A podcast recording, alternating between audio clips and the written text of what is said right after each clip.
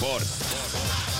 spordiminutid toob sinuni Unibet, mängijatelt mängijatele väga palju toimub äh, spordiradadel ja linnetel, kes nüüd kõike jõuaks jälgida, aga üks mees suudab. Ott Järvela, tere hommikust!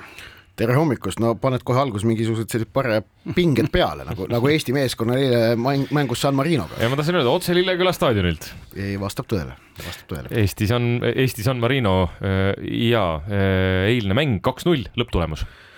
Esimene poolaeg hea, teine poolaeg kehv tulemus rahuldav ja noh, niisugune selle kokkuvõte sellest mängust ongi, ma arvan. see on üks kiiremaid kokkuvõtteid, mis me siin oleme no, suutnud no, teha no,. jah, et no tegelikult esimene poolaeg tehti see vajalik äh, töö väljakul ära, saadi kaks väravat kätte, väga hea meel oli mul isiklikult Robert Kirsi üle et kui koduklubis Levadias äh, peatreener Marko Savic teda ülearu palju usaldanud ei ole sel hooajal, ainult viis mängu põhikoosseisus äh, saanud äh, Premium-liigas alustada, siis koondise peatreener Toomas Häberli usaldas teda, määras ta oleme ausad, üllatuslikult Henri Anieri ees põhikoosseisu eilseks mänguks ja, ja Kirss lõi mängu avavärava ja, ja väga hea värava lõi, sellise ehtründajaliku värava.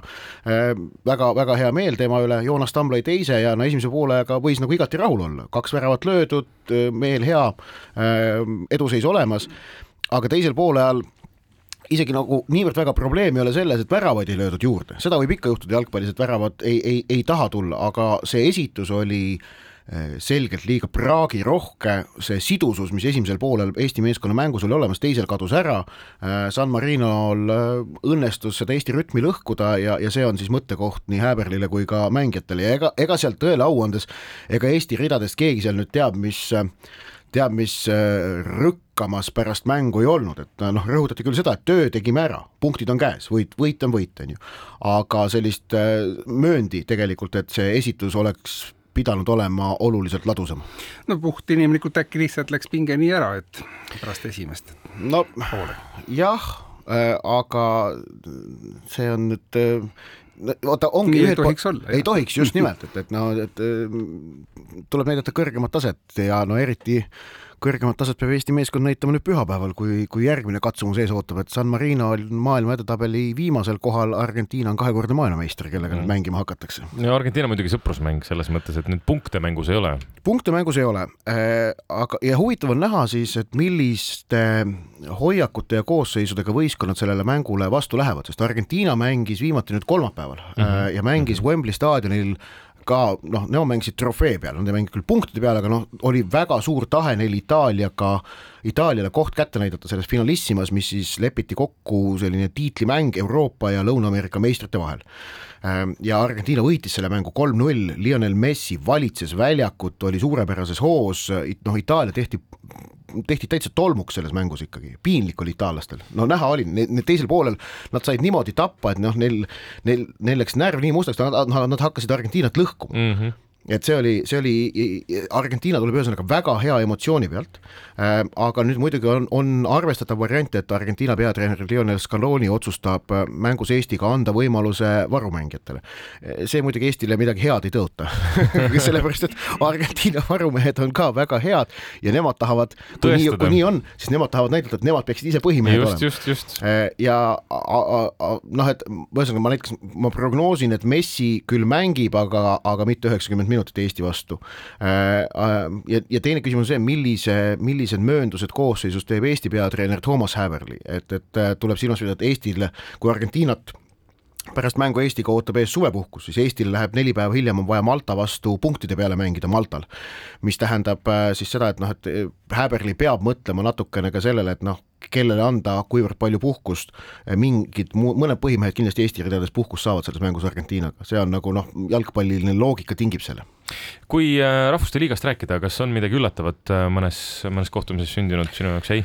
no eile ei saa öelda, et oleks midagi väga üllatavat olnud, Hispaania-Portugal mängisid üks-üks viiki, noh, Norra võitis võõrsil Serbiat, äh, Rootsi võitis võõrsil Sloveeniat, no ei saa öelda, mingi selline üllatus oleks sündinud, noh, Tšehhi võitis Šveitsi, väike, väike, väike üllatus aga noh, seal Rahvuste Liigas hakkavad äh, siin nüüd järgnevatel päevadel juba täna tegelikult väga põnevad äh, mängud tulema, sest seal ikkagi Euroopa tipud omavahel mängivad, noh täna õhtul näiteks Belgia ja Hollandi vaheline mm -hmm. matš, vaatasin Unibeti koefitsiente, Belgia on kodus kerge soosikaga, no madalmaade derbi, see on ju, see on alati selline põhimõtteline lahing, need kaks omavahel armu ei anna, järgmistel päevadel tulevad veel erinevad head mängud, homme õhtul Itaalia-Saksamaa näiteks, noh et itaallastel on vaja pärast seda Argentiinaga saadud häbi, just, just, aga nad on kodus outsiderid Unibeti koefitsientide alusel, okei okay,, vastas on küll Saksamaa, aga Itaalia on kodus outsider, seda juhtub ikkagi äh, väga harva. Ning äh, pühapäevast võib ka veel välja tuua äh, matši, kus siis Portugal ja Šveits omavahel vastamisi lähevad. Ning, ning noh, seal Portugal kodus on küll muidugi selge soosik, et, et, et selliseid tippmänge tegelikult tuleb nüüd iga päev selles Rahvuste Liigas ja tuleb kaks nädalat järjest, neljateistkümnenda juunini välja, kuna mängitaksegi selline intensiivne koondise periood. Tennis saab enne läbi nädalavahetusel juba te. tennis saab enne läbi, no Prantsusmaa lahtistel see teisipäeva õhtune äh, veerandfinaal Rafael Nadal, Novak Djokovic, see oli. no see oli finaal põhimõtteliselt see oli poeesia see oli, see oli, see oli absoluutne tennise poeesia, see oli, see oli fantastiline matš ähm,.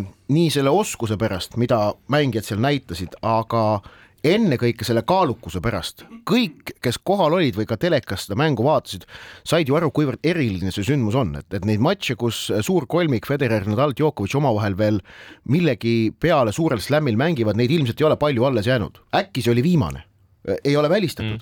Mm.. nii et ja, ja seda ilmselgelt kogu tennisepublik ja tennisemaailm hindas seda võimalust seda matši vaadata ja Nadal sealt välja võitjana välja tuli ning teda ootab siis täna ees poolfinaal Äh, Aleksandr Zvereviga äh, Unibeti koefitsientide järgi Nadal on tehtud, on, on, väga suur soosik selles mängus. Ähm, no ja Nadalil, kui, kui mäng, mängib nii nagu Djokovic'i vastu, siis ega talle ongi keeruline vastu saada kellelgi, et, et see nii, nii, nii need asjad on. kui me rallist ei räägi, siis on, siis on nii, aga praegu on Sardiinia ralli teine kiiruskatse, kui vaadata selle lõppu, siis eh, täna Kerveajad teisel kohal, pluss neli koma seitse. ja eh, eile õhtul oli siis publikukatse Sardiinias kavas, seal olid eh, Tänak, Järveoja kuuendad, aga nüüd siin eh, täna hommikusel katsel on nad näidanud, ma vaatan, kolmandat aega, see katse tõesti siin mõned minutid tagasi läbi sai ja tõusnud üldarvestuses teiseks koha, teisele kohale. Toyota paar Elfin Evans, Martin Scott seda Sardiini rallit praegu juhtimas on ja noh, tuleb siis ter-, ter-, kõigil Eesti rallisõpradel loota, et, et Hyundai seekord töötab paremini kui eelmistel kordadel. saame näha, kuidas ta kuumuses vastu peab, sest kuulutavasti on seal ikka põrgu kuumus täiesti. noh, Vahemere kandis vist on praegu jah. praegu on jah, Rooma vist on kolmkümmend neli kraadi lubatakse täna sooja no e, ja, ja, ja kusjuures nende ralliautode puhul on ju praegu räägitud, et seal see noh, kabi-, kabiinis sees temperatuur kipub veel eriti kõrgeks tõusma, mis äh, muudab äh, noh, väljakutse, mis see sportlastel, sportlastel esitab muidugi eriti suureks. Ja, ja see on, on keeruline. no Priin ütleb, et mina ei näe, iga viie-kuuesaja meetri tagant jään seisma, midagi pole näha, absoluutselt mitte midagi. tolm on. see on päris huvitav jah, et jah, mitte ainult kuumus, vaid ka tolm on see, mis seal kindlasti mõjutama hakkab, aga ja loodame, loodame, see selgub juba pühapäevaks, aga nagu öeldud, siis jalgpalli jälgida, tennist jälgida. homme, homme ka naiste finaal, Iga Swiatek versus Coco Gauff ehk et äh, Kaia Kanepit võitnud ameeriklane jõudis siis enda tabeli poole pealt finaali ja maailma esireket Iga Swiatekiga ta mängib. maailma teine reket alates esmaspäevast, tuletan meelde, on Anett Kontaveit. jah, see on muidugi ajalooline sündmus, midagi pole öelda. väga ajalooline sündmus. ma arvan, et üks, no, no vähe on Eesti sportlasi, kes üldse maailmas on niivõrd prestiižsel positsioonil olnud, kui Anett Kontaveit alates uuest nädalast. aga Ott, sina, ma saan aru, lähed nüüd jalgpallikoondisega turneele, nii et me sinuga siis suhtleme juba teisipäeval äh, Skype'i vahendusel, siis oled sa kus? siis olen ma ilmselt veel Pamplonas. selge, ja siis me saame juba Argentiina mängu muljeid ka kindlasti juba pajatada. ja, ja siis jah, kui härg, härgasid kohtan, siis annan ka teada. ole, ole nii kena, aitäh, Ott Järvel!